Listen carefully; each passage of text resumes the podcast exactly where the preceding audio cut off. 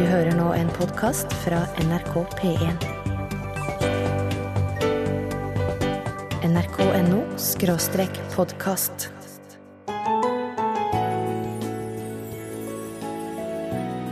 Nei, her er jo eh, Mathilde når hun løpte seg i eh, Nidarosdomen. Eh, I en hvit dåpskjole. Så har sånne små blomster i stoffet. Og litt blonde rundt armene. Ja, dåpskjolen til vesle Mathilde er som dåpskjoler flest hvit. Det er fordi den skal fortelle den som er døpt, forsikre om at dåpen gjør deg ren og hvit i Guds øyne. Men sånn har det ikke alltid vært. Dåpskjolene har vært full av farger, og nå er det endring på gang igjen. Du får dåpskjolens historie her hos oss i dag.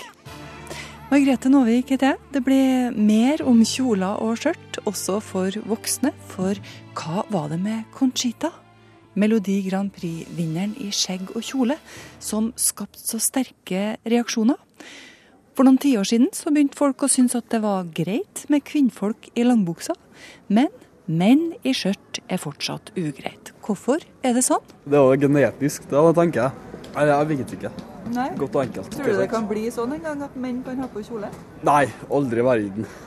Aldri i verden. Jeg ble så sur når jeg, det landet vant Grand Prix. Fordi det var en eh, mann med kjole? Uh, ja. Du hører på Mellom himmel og jord i NRK P1. Jeg har noe av det samme delte forholdet til patriotisme som jeg har til korps. Jeg forbeholder meg retten til å ikke marsjere i takt verken til patriotisme eller musikkorps eller noe annet, men samtidig er jeg jo glad i rytme, da. Panelet vårt snakker om å marsjere i takt, om fedrelandskjærlighet, om patriotisme, senere i sendinga.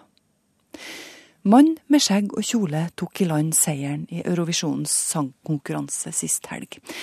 Vi ser at mange rett og slett er irritert og sint over at Conchita Wurst slo kvinner i skjørt og menn i buksa rett ned i støvlene med sin kjole og sin sang.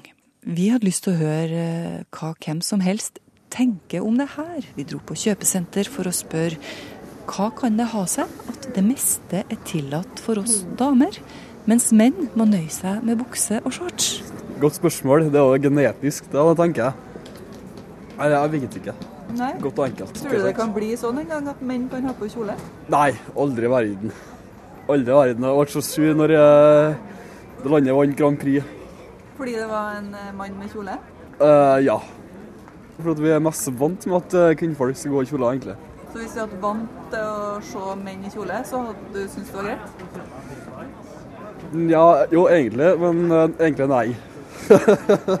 Nei, det er vel ikke noen grunn for at en mann skal gå i kjole? Ingen grunn? Nei. Hvis jeg hadde hatt lov til å gå i kjole, så hadde jeg ikke gjort det likevel. Sånn glitter og Det trenger ikke være glitter. Kan Nei være en da. kul, litt sånn maskulin kjole med litt sånn brede skuldre. altså. Nei. Hvis alle hadde brukt det, så hadde sikkert vi ha gjort det, tipper jeg. Ja. Men det var jo en sånn eh, periode på 90-tallet hvor det var eh, noen sånn kule menn som, i Oslo som gikk med skjørt. Ja. Eh, lange. Eh, og det var en sånn liten trend blant noen der.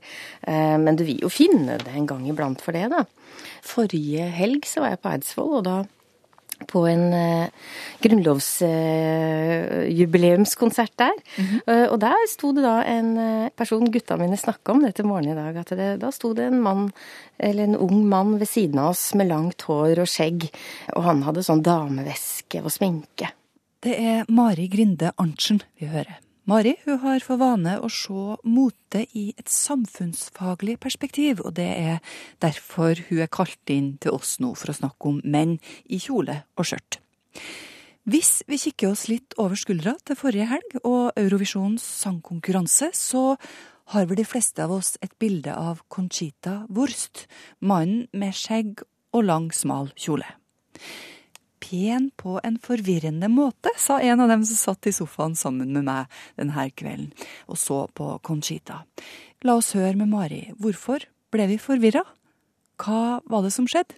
Ja, Han brøt på en måte den kontrakten vi har om at, eh, at eh, skal det være drag, så, så skal man på en måte ta det helt ut, og veldig langt ut. Man skal være så eh, overkvinnelig at selv kvinner ikke klarer å se sånn ut. Hva syns du om sånne kontrakter, da? Det er jo helt naturlig. Altså, Mm. det er jo det er en måte vi Det er en visuell form for kommunikasjon vi bruker som gjør at det blir enklere for oss å forstå verden. Forstå hvem vi har å gjøre med. Mm. Hvem vi har foran oss. Eh, og det er en sånn naturlig kategorisering vi driver med. Um, det forteller noe om hvem vi er.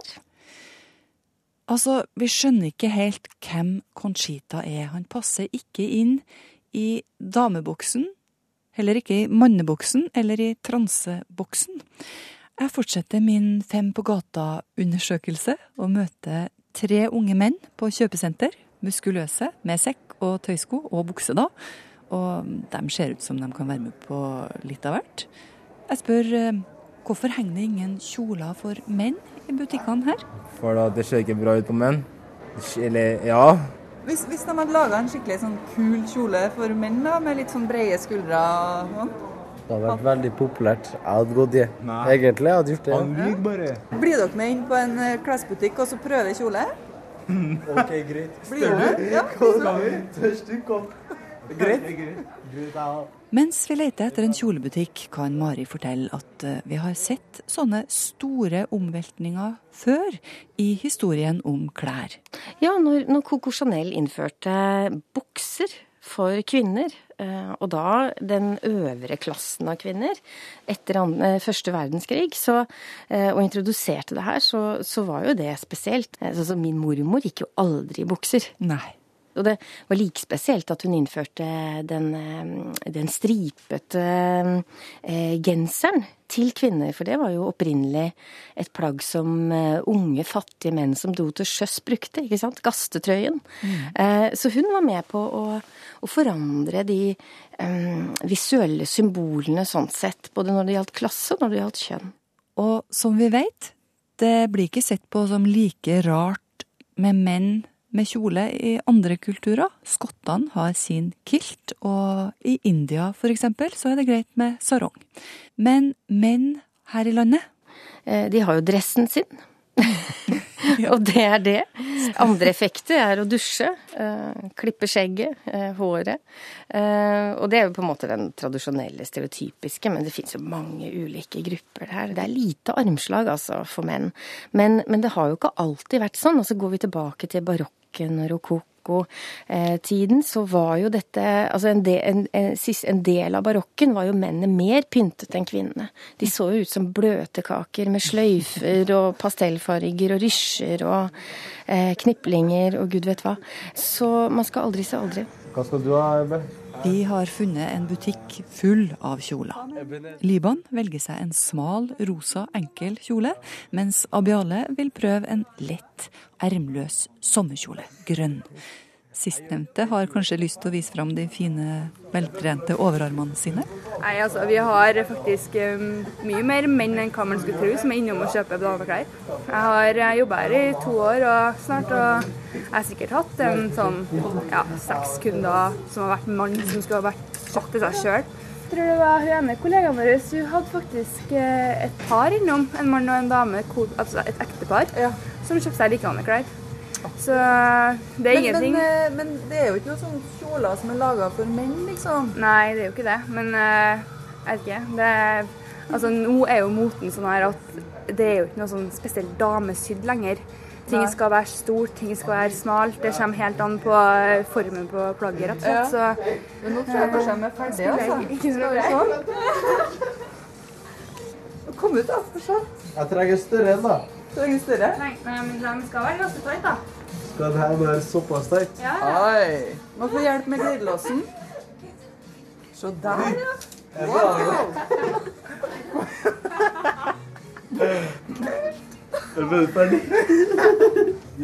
Det ser faktisk ganske fint ut. De er litt overraska sjøl også. Kjennes Det er bra, egentlig. sånn Det er tynn deilig. Føles som en lang signert.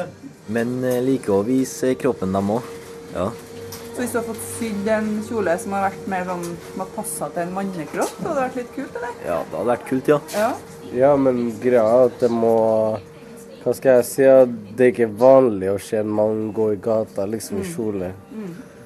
Så det blir rart å være den første, i hvert fall. Mm. Jeg kunne ha vært det sånn den 2000, liksom. Men den første Ja, men slik det er i dag i Norge, så, så er menn mer ufrie enn kvinner når det kommer til klær. De har mindre armslag. Eh, De har ikke mulighet til å pynte seg i like stor grad som, som oss. Eh, Og det, det ligger jo i hodene våre, det ligger jo i toleransen vår, det ligger jo i, i bildet vi har av andre mennesker. Og de grensene kan vi jo hver og en tøye. For det, hva er det så farlig med at man ønsker å se litt annerledes ut? Hvorfor skaper det så sterke reaksjoner? Man vil uttrykke den man er, og ingen av oss er like. Og derfor må det også være mulighet for å være i kjole eller skjørt, eller med skjegg og kjole, eller i eh, rosa når man er gutt og blått når man er jente. Yes. Og tilbake i herreklær. Jeg kan bare kjøpe en. Skal du kjøpe? Nei, bare kødda. NRK P1. Menigheten skal i dag få ta imot dette barnet i Guds hus. Ved dåpen vil Gud gi henne del i sin frelse og ta henne inn i sin kristne kirke. Velkjente ord i ei kirke en søndag formiddag, og akkurat nå så står det nok mange spente foreldre på bakrommet som venter på å få bære barna sine til dåp. De små er gjerne kledd i hvit kjole og lue, men hva er egentlig historien til dåpskjolen? Drakthistoriker Karin Sinding ved Nordenfjelske kunstindustrimuseum i Trondheim, hun sier at dåpskledet har forandra seg opp gjennom tidene. Altså Dåpskjolen er jo en lang kjole, enten det er eh, jenter eller gutter. Det er jo spesielt nok i seg selv. Men det er jo en høytidelig kirkelig handling, så da skulle man jo være kledd så fint man overhodet kunne. Men nå er det jo det at dåpskjolen den har jo utviklet seg med tidene. Selv om vi kanskje ser for oss én bestemt type kjole, så er jo det for så vidt noe som er av nyere dato. Tidligere så var det jo helt annerledes. Ei høgtidelig stund der barnet skal bli en del av det kristne fellesskap. Familien er samla, fadderne er på plass, og hovedpersonen sjøl er pynta med hvit, lang kjole. Her er jo eh, Mathilde når hun døpte seg i eh, Nidarosdomen, eh, i en hvit dåpskjole. NRK-journalist Kristin Agerli er mor til tre, og viser bilder fra dåpsdagen til dattera i 2011. Tynn, fin veverkjole, siden han begynner å bli gammel. Eh, Så har sånne små blomster i stoffet, eh, og litt blonde rundt armene. En gammel, men vakker kjole. Første gang brukt i 1917 av oldemora til Mathilde. Denne type kjole er vanlig å se på barn som blir døpt i dag. Men slik har det ikke alltid vært. Dåpskledet har forandra seg oppover tidene. Da sier drakthistoriker Karin Sinding. Ja, For det første så var det jo ikke alltid det var snakk om kjole. Man hadde jo gjerne et svøp, og barnet var kanskje linnet, som det het, eller reivet. At det var inntullet med stive ben og armer med masse bånd innerst. Og så hadde det et hvitt eh, linsvøp rundt der, og et bånd utenpå der igjen. Så de kunne jo ikke røre verken armer og ben. Og da hadde man også veldig ofte en løyert, en såkalt pose eller et svøp utenpå der igjen. Utover på 1500-tallet og helt fram til 1700-tallet blir dåpsklærne mer fargerike. Kommer man inn etter reformasjonen, og så skal det være de beste klærne man har. Og da kommer alle de flotte stoffene. Da kommer farvene. Sterkt grønt, sterkt rødt, brokade med gull og sølv. De nydeligste, flotteste stoffer. Kanskje en gammel kjole som er utslitt, som man har eh, gjort om. Det ble kanskje en konfirmasjonskjole, det ble kanskje en småpikekjole, og til slutt så har man noen stykker igjen som kan bli en fin dåpskjole. Så folk måtte ta i bruk det de hadde, da? Ja, det er klart dette er kostelige stoffer. Vi har ikke produsert silkebrokader i Norge. ikke sant? Dette er stoffer som er kjøpt i utlandet, importert. Eh, flotte ting som eh, var vanskelig å få tak i. Og det ser vi jo på voksenkjolen nå, at de er satt sammen av mange ørsmå biter. Man hever ikke de små trekantene som vi kaster etter å ha skåret til en kjole. Så mange små biter kunne bli en stor, flott dåpskjole. Og så hadde man linserken innerst da, for å få litt rysjer rundt halsen og litt rundt håndleddene. Det er kvinnemoten som har påvirka hvordan dåpskjolen har sett ut opp gjennom tidene. Den lange, hvite dåpskjolen mange barn har på seg i dag, ble født på 1800-tallet, da damene likte å kle seg som kvinnene fra antikkens alder. Og det var en veldig begeistring for klassisisme og antikkens idealer, både innen politikk og, og også innen da klesdrakten. Og da får man disse enkle, høylivete, hvite kjolene. For man trodde at antikkens kvinner var ikledd hvite kjoler. Og det er klart at barnet fikk da en kjole som lignet på det de voksne kvinnene hadde. Og dermed får vi inn denne dåpskjolen som er høylivet, med enten korte puffermer eller iallfall lange ermer som er litt posete rundt håndleddet. Man får hele kjoler som er ofte hvite, og av dette lange eh, ha disse lange skjørtene som er litt gjennomsiktig blondestoff, kanskje. Sjøl om dåpskjolen har hatt eh, ulike farger og fasonger opp gjennom tidene, så har hvitfargen vært sentral. Det har alltid vært viktig med et hvitt innslag i dåpsplagget. Et hvitt svøp, ei hvit skjorte eller en hvit kjole. I kristendommen symboliserer nemlig fargen noe som er rent. Da kan Fredrik Ulseth, sogneprest på Lambertseter i Oslo, fortelle. Det er fordi den skal fortelle den som er døpt, forsikre om at dåpen gjør deg ren og hvit i Guds øyne. Eh, og Det er jo da et motiv som er hentet eh, f.eks. fra Johannes' åpenbaring, syvende kapittel, hvor det står om den store hvite flokken, som jo da, som det står litt høytidelig, har vasket sine eh, klær og gjort dem hvite i lammets blod, står det altså for å si det på enkeltspråk. Gud ser på oss som rene og hvite for Jesus skyld. Eh, og Dåpen er rett og slett et bad i den sammenhengen. Det skal hvitfargen fortelle.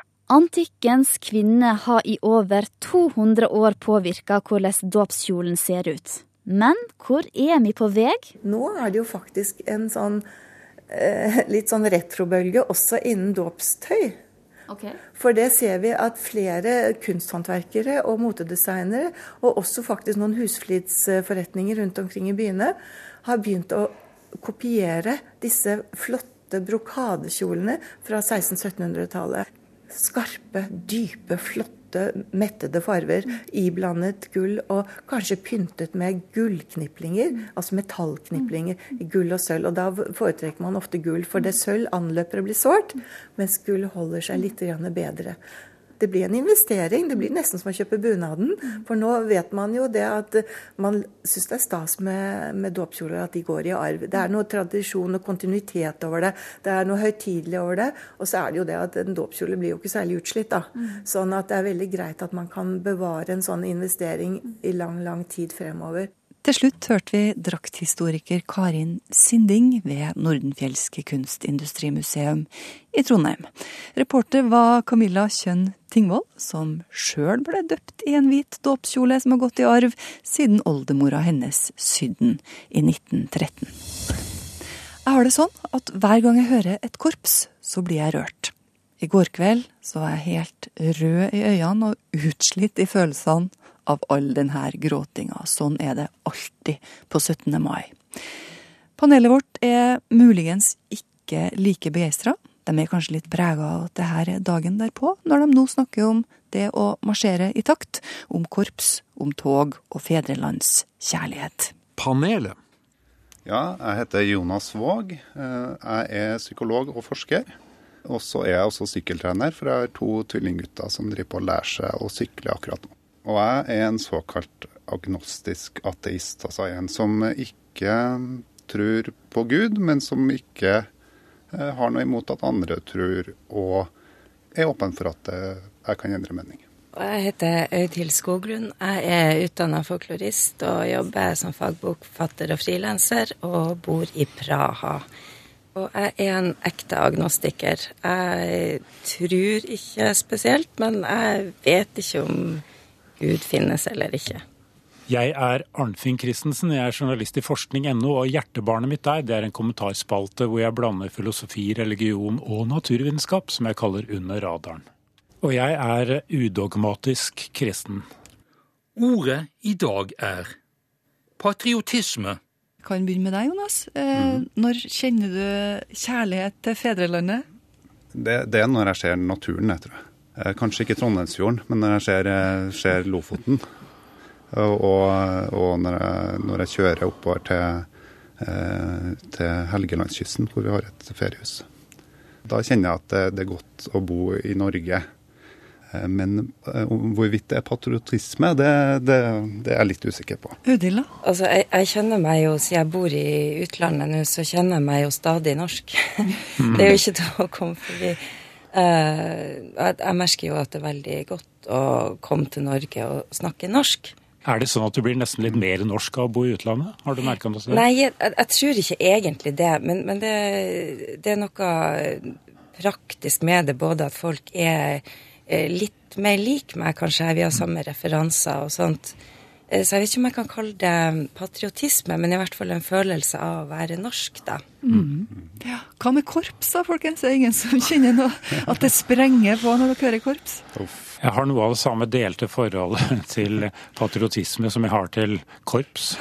Det er den der taktfaste marsjeringen og fedrelandet, fedrenes land. Altså, det smaker ikke helt godt i, verken i munnen min eller i hodet mitt, dette her. Eh, Jeg er litt lei for det, fordi det å være patriot skulle jo egentlig bety at du er veldig begeistret for noe. Begeistret, det betyr jo igjen at du er beåndet eh, på tysk, da. Geist. Men patriotisme for meg blir noe som blir eh, litt trøkket nedover meg utenfra. Det er en forventning om at jeg skal stille opp for noe jeg ikke helt føler at jeg kan stille opp for. Jeg er litt tvisynt, rett og slett. Hva, hvorfor kan du stille opp for det? Nei, altså, tenk alt det patriotisme og, og marsjerende støvler har ført til. Da. Altså, jeg er, jeg er pasifist. Jeg, jeg, jeg forbeholder meg retten til å ikke marsjere i takt verken til patriotisme eller musikkorps eller noe annet. Men samtidig er jeg jo glad i rytme, da. Jeg er jo det. Jeg har litt problemer med det her at nå skal vi alle gå i tog og vifte med flagg, og så har vi i månedsvis debattert hvordan flagg og hvor fælt det er hvis noen kommer med noen andre flagg. Så blir det en slags uh, uniformering av følelser. Og det, og det er klart at uh, nasjonalfølelse og patriotisme har jo uh, altså det har ei god side med at det kan bety at du bryr deg om fedrelandet. Du vil engasjere deg for at det skal bli et bedre land å stå på for det. Men det har også en veldig negativ side med at den kan bli blind, og den kan bli en markør eh, mellom oss som er med, og de andre. Og samtidig demonstrere at vi er bedre enn alle andre. Så egentlig så kan vi være litt fornøyd med at, vi, at den er litt blanda, den her følelsen. Blande følelser, det er bra. Det er jo litt interessant nå, så er det veldig sånn enhet på, på 17. mai. Hvis man ser litt bakover i historien, så har de jo hatt eh, konkurrerende 17. mai-tog. Venstresida har gått i ett tog, og så har borgerne gått i et annet tog. Så man har i tidligere tider også kunnet markere politiske synspunkter på 17. mai, mens nå skal jo alt bare være kos og Mm. som alle er enig i. Man hadde jo til og med to forskjellige barnetog på et tidspunkt. eh, For at arbeiderbevegelsen ikke ville sende ungene sine i det konservative barnetoget, så de lager et eget barnetog. Hmm, det visste jeg ikke. Men syns du det skulle ha vært sånn?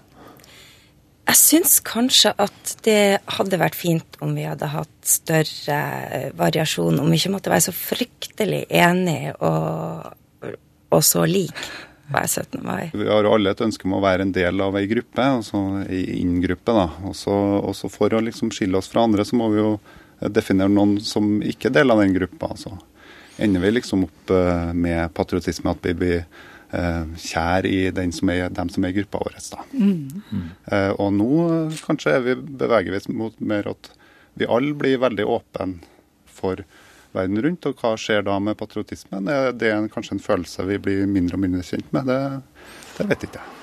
Det sier Jonas Våg. De to andre i panelet i dag var Audhild Skoglund og Arnfinn Christensen. Hvordan skal man se forskjell på det gode og det onde? Det er Martin Sexton som undrer seg over det her i låta Halleluja. Er det noe forskjell på oss? Er noen mer prektig enn andre, egentlig? Spør han. Har du noe svar på det her eller andre store spørsmål, send oss en e-post på himmel og jord i ett ord krøllalfa nrk.no. Vi hører gjerne fra deg, enten det er spark eller klapp. Du kan eh, ta kontakt på Facebook også, og var det noe du gikk glipp av her, så finner du oss igjen på radio.nrk.no. Syns du musikken er uten betydning, så finner du en eh, versjon med bare ord på nrk.no podkast. Vi sender om igjen klokka 20 i kveld i P1 og klokka 21 i P1 pluss. Margrethe Nåvik heter jeg. Herb Albert og hans brassorkester står bak gardina her og venter på å slippe inn på scenen med Spanish Flea. Ha en riktig god maidag. Hør flere podkaster på nrk.no podkast.